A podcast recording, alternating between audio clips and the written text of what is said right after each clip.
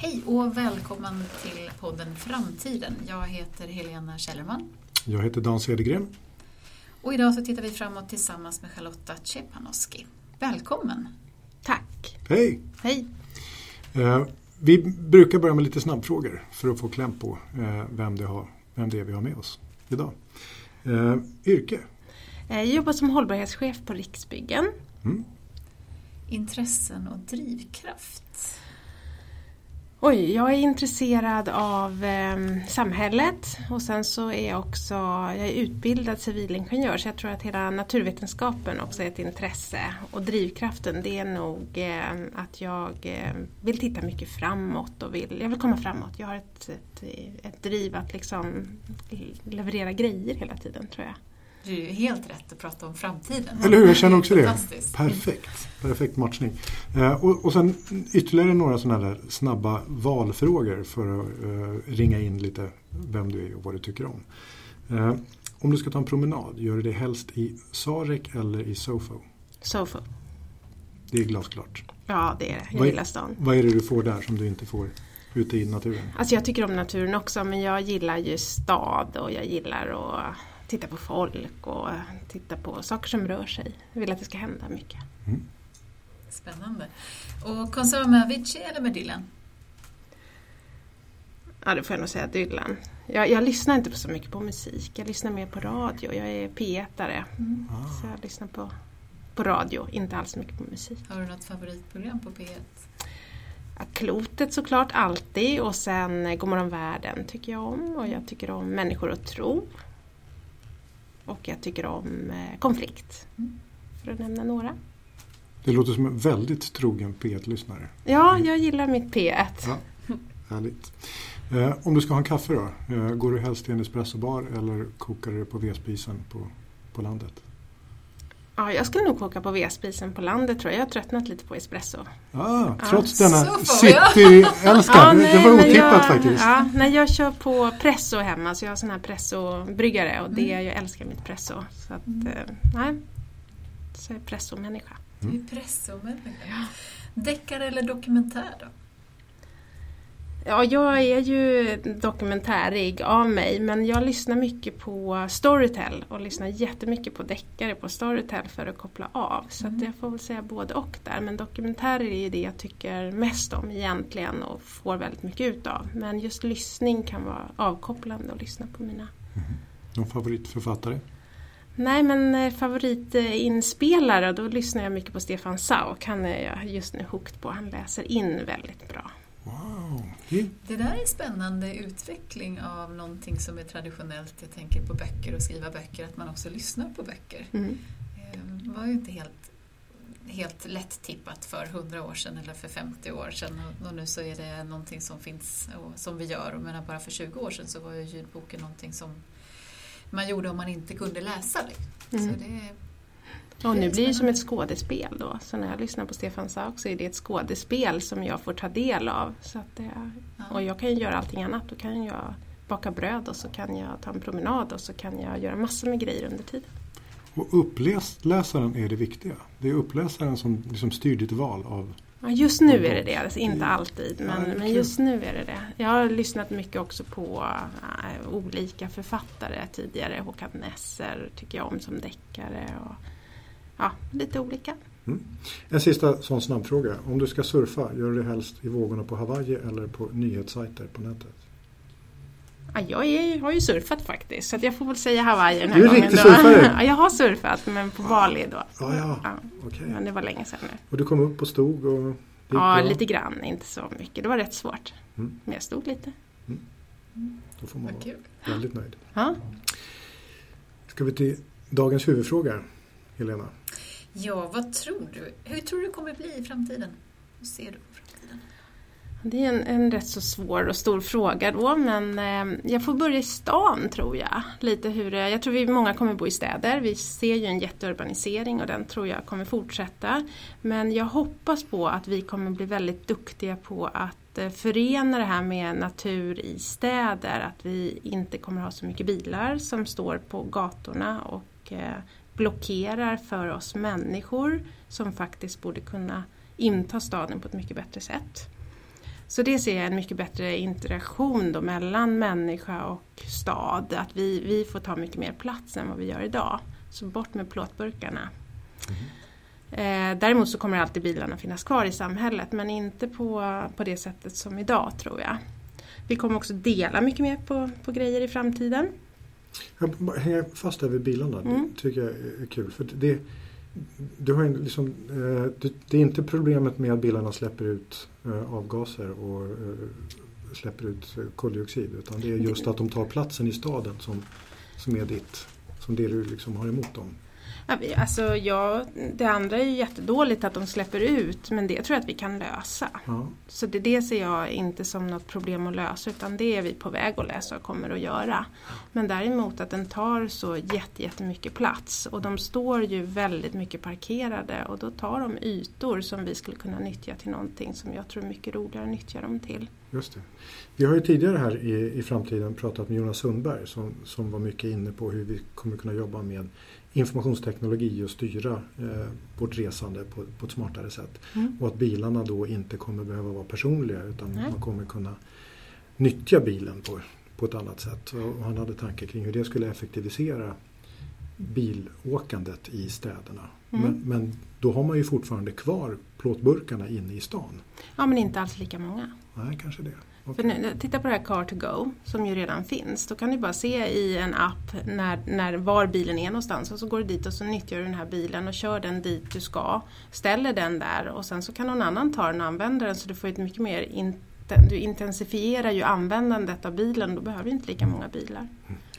Om man inte har plåtburkarna på gatorna, hur ser du att gatorna ser ut? Vad, är, vad, vad tar upp den platsen istället? Jag tänker mig eh, alltså ytor med eh, där man kan sitta och fika, alltså kaféer kan ta, kan ta plats på ett annat sätt. Jag tänker mig grönytor, lekande barn. Idag har vi ju liksom puttat bort alla lekande barn och får vara i någon form av inhägnader. Innan bilen kom så var det ju gatan tillgänglig för många, många fler egentligen. Det är också ytterst en demokratisk fråga kan jag tycka att ytan är så pass dyr och där får man ställa en bil för nästan inga kostnader alls på den lilla ytan. Och det, jag har ingen bil i stan och jag tycker det är liksom, ja, där får de stå rätt så billigt faktiskt. Och det är ju inte riktigt schysst. Jag borde ju också ha tillgång till den där ytan. Så någon slags reclaim the street eh, fast inte så våldsamt utan mer bara rätten till, rätten till gatan och rätten till utrymmet? Ja, det tycker jag. Eh, och, och jag inte alls det här revolutionära på det sättet. Jag tror bara det handlar om att vara smarta i framtiden och nyttja de ytorna vi har på ett smart sätt. Mm. Så det, det tror jag mycket mer på än, än att reclaim the city. Men alltså, vi kommer ju på ett helt annat sätt förstå att vi måste leva smartare om vi ska få plats allihopa här på, på den här lilla ytan som vi har i städerna. Då. Du är hållbarhets på, på Riksbyggen, mm. eh, hållbarhetschef på Riksbyggen. Mm. Och, eh, hur, om vi går in lite på, på det då, boendet. Hur kommer vi bo i framtiden? Eh, tror jag tror vi kommer bo på mycket mindre ytor. Eh, jag tror som i min lägenhet till exempel, vi har 80 kvadrat och jag tittar ofta på de här prylarna som vi har i den här lägenheten, vi är fyra personer. Det blir kaotiskt med alla prylar. Eh, varje kvadratmeter är jättedyr och där ställer jag prylar som inte jag använder ja, jag väldigt ofta använder inte de där prylarna och så bara står de där och skräpar istället för att nyttja den här ytan till någonting mycket bättre. Och då tror jag att vi skulle kunna ha mindre ytor och dela på mycket mer ytor. Hitta mycket mer nytta ytor i framtiden runt omkring boendet. Och det är också den här urbaniseringen där det finns liksom matställen, servicen finns runt omkring ditt boende och så Jag tror vi kommer tänka helt om där. Vad tror du behövs för att ändra våra beteenden kring det? För jag läste någonstans kring vanor och beteenden att det tar 21 dagar att ändra en vana när man tittar på att ändra en matvana kanske eller träningsvana eller någonting. Jag tänker vi är så vana vid att äga. Vi är vana vid att ha en borrmaskin och en dammsugare och en bil och allting annat som vi har i våra lägenheter som man kanske använder en eller två eller tre gånger om året eller bara när man renoverar och sen mm. aldrig mer. Eh, hur tror du att vi liksom... Alltså det handlar ju om ett hur hela tiden, hur vi organiserar det här.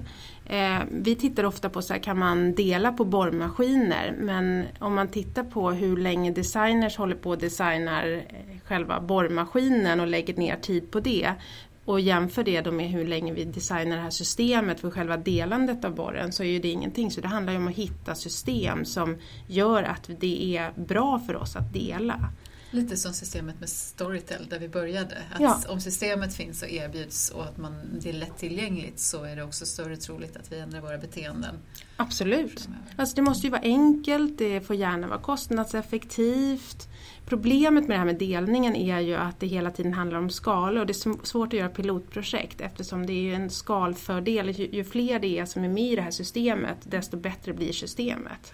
Och det blir ett väldigt problem då att skapa de systemen. Man, när det gäller arbetsplatser så pratar man väldigt mycket om aktivitetsbaserade Mm. arbetsplatser. Mm. Tror du att vi kommer kunna jobba med aktivitetsbaserat boende?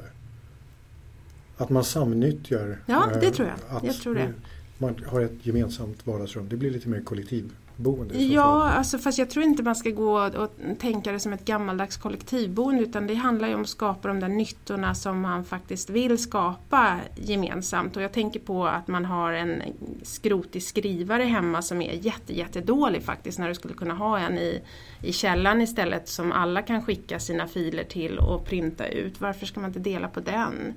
Eh, jag tänker på eh, odlingslotter som man kan dela, alltså sådana grejer som man annars inte får också. Man kan också dela på tjänster så att jag tänker mig att man kan faktiskt hjälpa varandra med att hämta och lämna på dagis och alltså få igång den här typen av, av system där vi får ett mycket bättre samhälle tror jag. Och det, jag, tror, liksom, jag tycker det låter jätteintressant det du säger. Å, an, å andra sidan då så tänker jag att boendet är också platsen där man vilar ut. Där man vill ha vackra rum om man vill ha rymd eh, i sitt boende. Om man bara ska ha det absolut minsta lilla som man behöver för att, för att klara sig och så ligger all annan yta utlokaliserat eh, på något effektivt smart sätt. Får vi de, de härliga bostäder som vi behöver för att må bra i en intensiv stadsmiljö?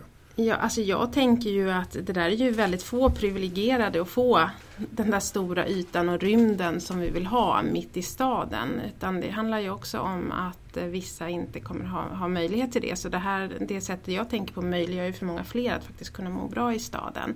Sen kommer det säkert alltid finnas folk som vill ha stora våningar men eh, jag tror inte att det är det som blir avgörande i framtiden. Det tror inte jag. Mm. Tror du att Jag- vi kommer att ha... eh, Det blir andra saker som är status. Det Ja. är redan idag, det är inte status idag att äga stora saker på samma sätt som det var tidigare. Nu är det här, vara en bra förälder ligger jättehögt i topp och det ligger topp att vara bra på sitt jobb och det ligger topp, topp, topp ligger att vara allmänbildad. Det är den högsta statusen du kan ha. Så det här det förändras ju hela tiden. Men det är ju, för det är ju status om man då har en stor våning av statusskäl. Men om man har just behovet av att ha rekreationsyta eller yta för eh, möjlighet. Kan man tänka sig att staden att det finns i staden istället? Istället för att man Absolut. har en privat bostad, att man har ytan och tid för reflektion, att det skapas den typen av yta kanske i staden istället. Att man går till Absolut. andra platser och får det eller att det blir fler naturområden eller andra, andra utrymmen för det. Ja, det tror jag. jag. Jag tror att det är det som är lösningen. Mm. Och även i en bostadsrättsförening till exempel så kan man ju ha ett orangeri kanske och man kan ha en stor festvåning i den här om man har lite mindre yta och sådär. Så att det, det, är den, det är den vägen jag tror att vi kommer gå. Mm. Har, har, tittar du på några sådana spännande exempel? Eller kan du se några sådana spännande exempel? Ja, vi gör ett sånt i Göteborg Ja. där vi försöker att titta på det där, bygga lite mindre lägenheter och istället då skapa gemensamma ytor att dela på. Mm. Hur är intresset för, för den typen av boende? Alltså det här Idag? ligger ju mitt centralt i Göteborg. Vi ska bygga utan parkeringsplatser, det blir noll i p-tal. Det, det är liksom revolutionerande, jättehäftigt projekt. Och det är jättemycket intresse för det projektet men det är klart att det är det för det ligger ju där det ligger och vi får ju, alltså det, det är ju där vill man ju köpa oavsett nästan så att kön är ju jättelång. Men sen får vi se lite närmare då vad som händer. Mm. Så det är jättespännande men vi, vi tror inte att det är några som helst problem med en målgrupp. Det handlar ju om att få rätt målgrupp. Vi vill inte ha de som redan är sålda. Vi vill ju ha de som kan byta, ändra sitt beteende. Flytta dit och ändra sitt beteende. Det är ju vår målgrupp där. Och hur får ni dit dem? Vad lockar ni med?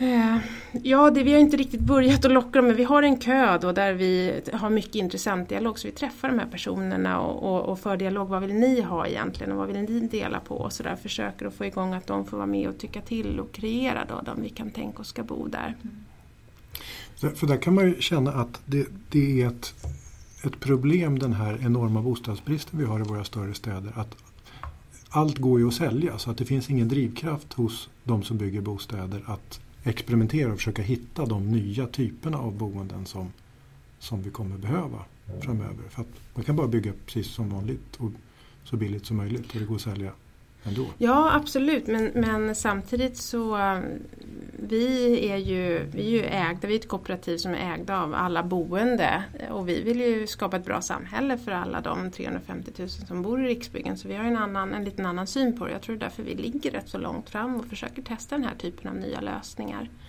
Där vi utgår liksom från ett holistiskt perspektiv och ser hur, hur kommer det bli när vi lever i ett hållbart samhälle och så försöker vi liksom skapa den typen av boenden. Har ni samarbeten med andra delar än just boende och fastighetsdelen? Vi har pratat om boende, hur ser det ut med transporter till och från de olika bostadsområdena som man, hur rör man sig i staden och vad händer utanför bostaden? Hur tänker du kring det? Hur ser det ut ja, alltså där, som, som i, ja, i, ja, Alltså i, i, om man tittar där i Göteborg till exempel, där tittar vi jättemycket på det. Där bygger vi noll i p-tal och då försöker vi bygga in lösningar då, så du ska kunna ta dig till de vardagsnära punkterna. Vi tittar på kollektivtrafiken runt omkring, hur ser den ut? Gjort jättemycket analyser för att träffa rätt. Och då har vi landat i nu att vi ska skapa pooler både med elcyklar, fraktcyklar, vi ska ha bilpool såklart, vi ska ha leveransskåp, vi ska jobba med eh, den här typen av arbetsplatser med skrivare och sådär för att möjliggöra då att, att man slipper ha bil. Och det är också en kostnadsfråga att slippa äga den där bilen så det blir liksom det, det, blir väldigt bra om man tänker teoretiskt på det. Sen får vi se hur vi lyckas praktiskt. Mm. Vad är den största hindren då?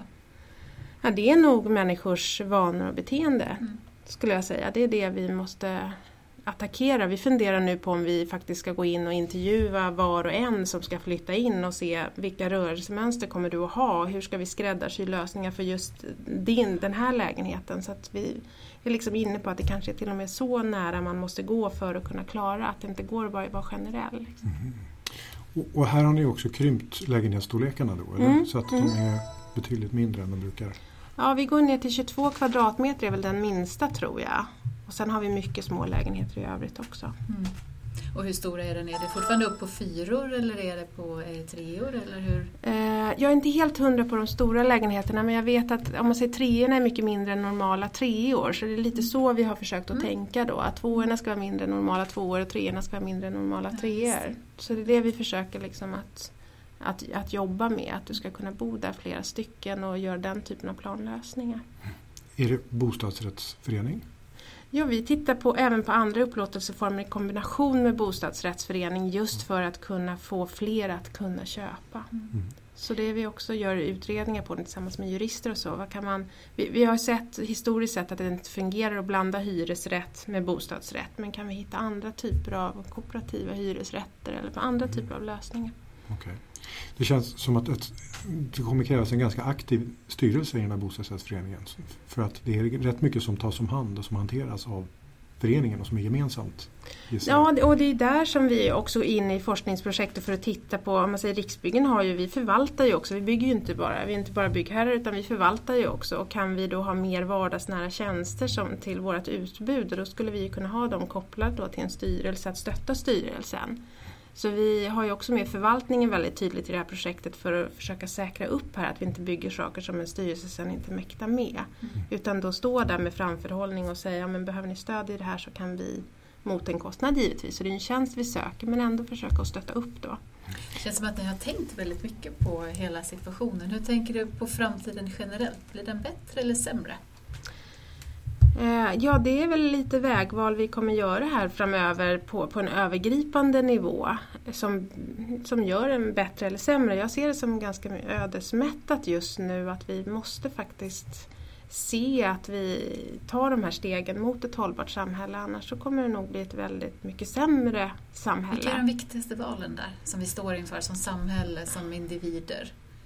Jag, jag tror att det handlar om att, att försöka se, se samhället på ett lite annorlunda sätt än vad vi gör idag. För idag så ser vi ju ekonomin och tillväxten som hela målet för allting på något sätt. Jag tror att det handlar om att börja titta på att målet handlar mer om att vi människor ska faktiskt ha ha ett bra liv här på planeten och sen så har vi en gräns som planeten sätter.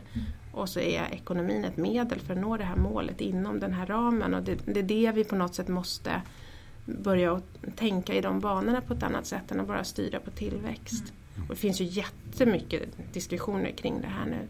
Så det, det, finns ju möjlighet att det håller på att hända men vi sitter ju fast i gamla mönster. Och om vi pratar om mönster och den här typen av experimentella bostadsprojekt som, som det här i Göteborg. Då, hur långt fram i framtiden tror du det är innan det är det vanliga byggandet, bostadsbyggandet i våra större städer? Och inte bara är ett experimentellt undantag? Alltså, vi försöker ju då att när vi bygger sådana här, vi har ju andra typer av pilotprojekt också, då försöker vi att föra in det då i våra gemensamma arbetssätt som vi har i Riksbyggen som är det vi gör hela tiden. Så jag tror att det här blir en successiv grej att se vad fungerar, vad fungerar inte. Så det kommer nog inte bli som bostadsrättsföreningen Viva i Göteborg, men där kommer vi kunna hitta vissa delar som fungerade och som var bra. Mm. Och de kommer vi införa sen då i våra bostads, i, i hur vi bygger. Och det gör säkert alla andra företag också på liknande sätt och då kommer vi att knuffa det här framåt då. Vi har blickat framåt eh, ganska långt i, i, i framtiden ja. och, och, resonerat kring det. Eh, om vi drar tillbaks perspektivet. Vad ska du göra i eftermiddag? Eh, jag ska på middag ikväll faktiskt. Ja. ja. tillsammans med familjen ska vi på middag. Trevligt. Mm. Kommer ni åka bil till Sika? Nej, vi har ingen bil i stan. Vi har en bil som står vid tågstationen vid landet då, så vi kan ta oss från tåget till, till landet. Men så har vi löst det. Ja. Så vi behöver inte ha någon bil i stan. Charlotta Czapanowski från Riksbyggen, hållbarhetschef. Tack så jättemycket för att du kom till Framtiden. Mm. Dan Cedergren heter jag. Helena Källerman, tack för er, till er som har lyssnat. Och så kommer det fler spaningar om någon månad. Hej då! Hej då!